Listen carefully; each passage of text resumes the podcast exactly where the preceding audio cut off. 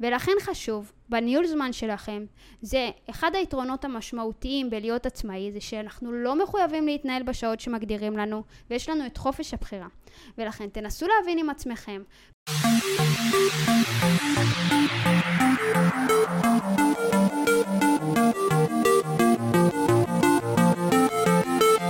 שלום וברוכים הבאים לעוד פרק של הפודקאסט חיים בהגשמה. אני עדן השחר ואני המנחה של הפודקאסט הזה. בפודקאסט אנחנו מדברים על עסקים ככלי להתפתחות ולמידה אישית. הפרק הזה הוא פרק המשך על ניהול זמן. בפרק הקודם נתתי לכם כמה כלים שקשורים לניהול זמן יותר בהיבט של דחיינות, והפרק אני אתן לכם עוד כמה שיותר כלים שיעזרו לכם לנהל את עצמכם בצורה טובה יותר ולהגשים את המטרות שלכם. אז בהתחלה אני רוצה שנדבר על תכנון, ונשאל שאלה למה בכלל צריך לתכנן. אז למי שלא יודע, המוח שלנו מחזיק בין חמישה לשבעה דברים בכל רגע נתון. מה זאת אומרת? שנגיד עכשיו אם יש לנו מחשבה, יש לנו זיכרון, יש לנו כל דבר שאנחנו חושבים בראש שלנו או תופסים בסביבה הפיזית, אנחנו לא יכולים להכיל את כל כמות המידע. יש לנו דברים מסוימים, כמות מסוימת שהמוח שלנו יכול להכיל.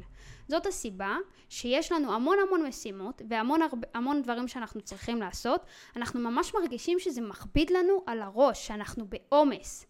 אז למה צריך לתכנן? דבר ראשון, עצם זה שאנחנו לוקחים את זה מהראש ומורידים את זה על הדף, זה כבר עוזר לנו להקל על המוח. המוח שלנו לא יכול להכיל את כל הדברים האלה. וזה שאנחנו רגע מורידים את זה ליומן, מורידים את זה על הדף, זה עוזר לנו להוריד את המאמץ מהמוח. וזה באמת מקל עלינו ועוזר לנו להיות יותר מרוכזים במשימות שלנו. זאת הסיבה למה חשוב קודם כל לתכנן, להוריד את כל הדברים האלה מהראש אל הדף ופשוט לשחרר לנו מקום ואנרגיה. דבר שני, למה זה חשוב?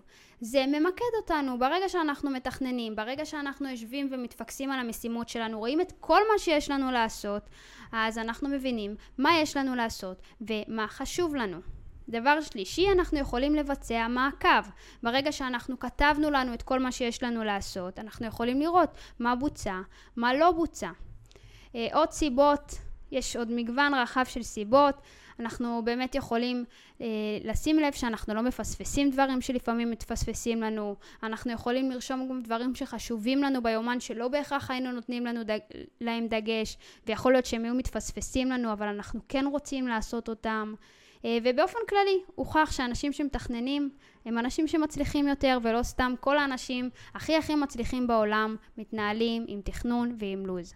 אז אה, קודם כל תתכננו. איך לעשות את זה? פשוט מאוד. תיקחו דף, תכתבו את כל המשימות שיש לכם, או במחשב, הכל הכל הכל. תתעטפו, תתחילו לכתוב, מה, יש מטריצה של אה, דחוף חשוב, אבל אנחנו לא ניכנס אליה. אני אלך איתכם על השיטה היותר פשוטה. תתעטפו מאחד עד סוף הרשימה, מה הכי חשוב לכם, מה הכי דחוף לכם לעשות. לפי המספרים תשפצו ביומן, תשאירו זמן להתעסקות בבלת"מים, תכניסו גם זמן לדברים שחשובים לכם שאתם אוהבים, וזה קודם כל שיהיה לכם את התכנון שלכם. עוד משהו שחשוב לי להגיד בהיבט של תכנון. אני דוגלת באופן כללי בחיים במינימליזם, ובטח ובטח בכל מה שקשור לזמן שלנו. בסופו של דבר זמן זה המשאב הכי יקר שיש. אנחנו לא יכולים לעצור אותו, אנחנו לא יכולים להוסיף עוד ממנו, אנחנו לא יכולים לחלק אותו. זמן הוא נתון, הוא רץ, 24 שעות שפשוט רצות כל הזמן. איך שנתנהל בהם ומה שנעשה בהם זה מה שיהיה או לא יהיה. ולכן, יותר מכסף ויותר מכל משאב אחר, אנחנו נרצה להיות קנאים לזמן שלנו. אנחנו נרצה לוודא שאנחנו משקיעים את הזמן שלנו בדברים שחשובים לנו, בדברים שמקדמים אותנו. ולכן, אנחנו לא רק נחשוב מה כן, אנחנו גם ננסה להבין מה לא. יכול להיות שאתם עושים דברים בחיים שלכם שפשוט מבזבזים לכם את הזמן, שהם לא מקדמים אתכם, שהם לא תורמים לכם, שאתם עושים אותם מתוך הרגל, מתוך בריחה, מתוך אנחנו אחרים מבקשים מאיתנו, אבל הם פשוט דברים לא נכונים. הזמן זה משאב יקר. תחשבו למה אתם אומרים כן, אבל תחשבו גם למה אתם אומרים לא. עוד נקודה שאני רוצה שנדבר עליה בהיבט של ניהול זמן. הרבה פעמים אנחנו חושבים שאנחנו multitasking, יכולים לעבור ממשימה אחת למשימה אחרת, משימה אחת למשימה אחרת. אבל צר לי לאכזב אתכם, אין דבר כזה multitasking. גם מחשב עם מעבד אחד יכול לעשות פעולה אחת כל פעם. מה שקורה בפועל זה מעבר מהיר בין משימות. כשאנחנו בני אדם עושים את המעברים המהירים בין המשימות, זה בסוף מוריד מאיתנו מהריכוז ומהאנרגיה. ולכן, אם התחלתם משימה, תסיימו איתה. סיימתם איתה, תעברו למשימה הבאה. זה גם למה אני תמיד אומרת ליזמים שלי, תכתבו את המשימות קטנות. תסיימו את החלק שלכם, תעברו לדברים אחרים. אל תקפצו בין משימות, ובטח ובטח אל תקפצו לטלפון או לדברים בין לבין. זה מוריד לכם את רמת הריכוז. ואם כבר אנחנו מדברים על טלפון, אז שימו את הטלפון מחוץ לחדר. עכשיו יבואו כל אלה, ישר קופץ להם בראש, אבל מה אם יחפשו אותי? אבל מה אם יהיה משהו דחוף?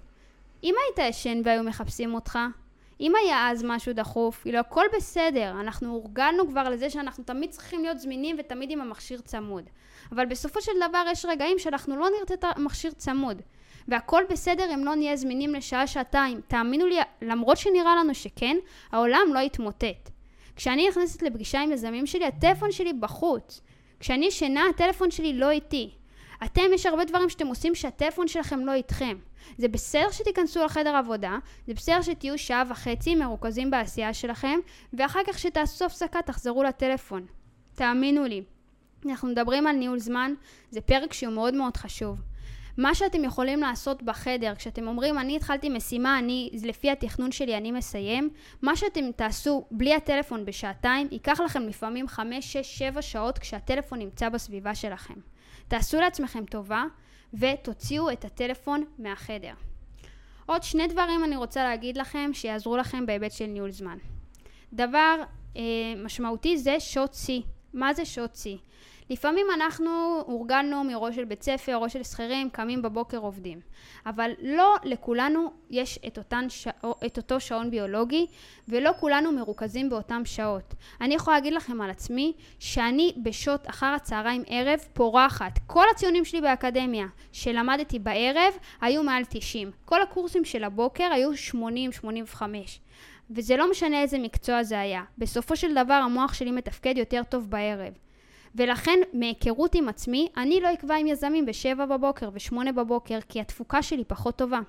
ולכן חשוב, בניהול זמן שלכם, זה אחד היתרונות המשמעותיים בלהיות עצמאי, זה שאנחנו לא מחויבים להתנהל בשעות שמגדירים לנו, ויש לנו את חופש הבחירה. ולכן תנסו להבין עם עצמכם מה שעות השיא שלכם, ותעבדו בשעות השיא. תרתמו את מי שאתם ומה שאתם לעסק שלכם, ותחיו בדרך שלכם.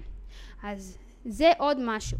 והדבר האחרון, הכי משמעותי, טיפ הזהב שלי, טיפ השיא שלי בכל מה שקשור לניהול זמן.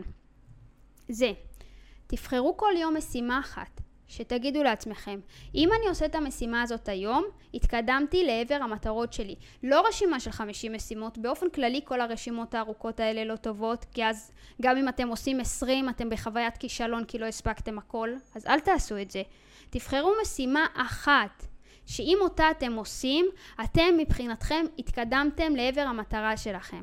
סוף היום תרגילו את עצמכם לשאול את עצמכם, עשיתי את המשימה הזאתי? המטרה שלי הושגה? ברגע שתגידו כן ותרגילו את עצמכם כל יום לעשות את זה, אתם תתקדמו בצורה סופר משמעותית. עד כאן היו הטיפים שלי לניהול זמן. בסופו של דבר, שוב, מה שאנחנו ננהל ואיך שאנחנו נתנהל, זה מה שיהיה. אתם בעלי עסקים, אתם המנהלים של עצמכם. אם אתם תדעו לנהל את הזמן, לנהל את המשימות בצורה טובה, אתם תתקדמו בצורה משמעותית לעבר המטרות שלכם. תבינו איך המוח שלכם עובד ותרתמו את המוח לטובתכם. מקווה שתרמתי לכם והפרק הזה עזר לכם. אם קיבלתם ערך, אני אשמח שתשתפו את הפרק הזה עם עוד אנשים. אם אתם רוצים לשתף אותי, אני אשמח לקבל מכם הודעה ולשמוע איך הפרק הזה תרם לכם ועזר לכם. תודה רבה שהאזנתם, ניפגש בפרק הבא, שיהיה לכם אחלה יום.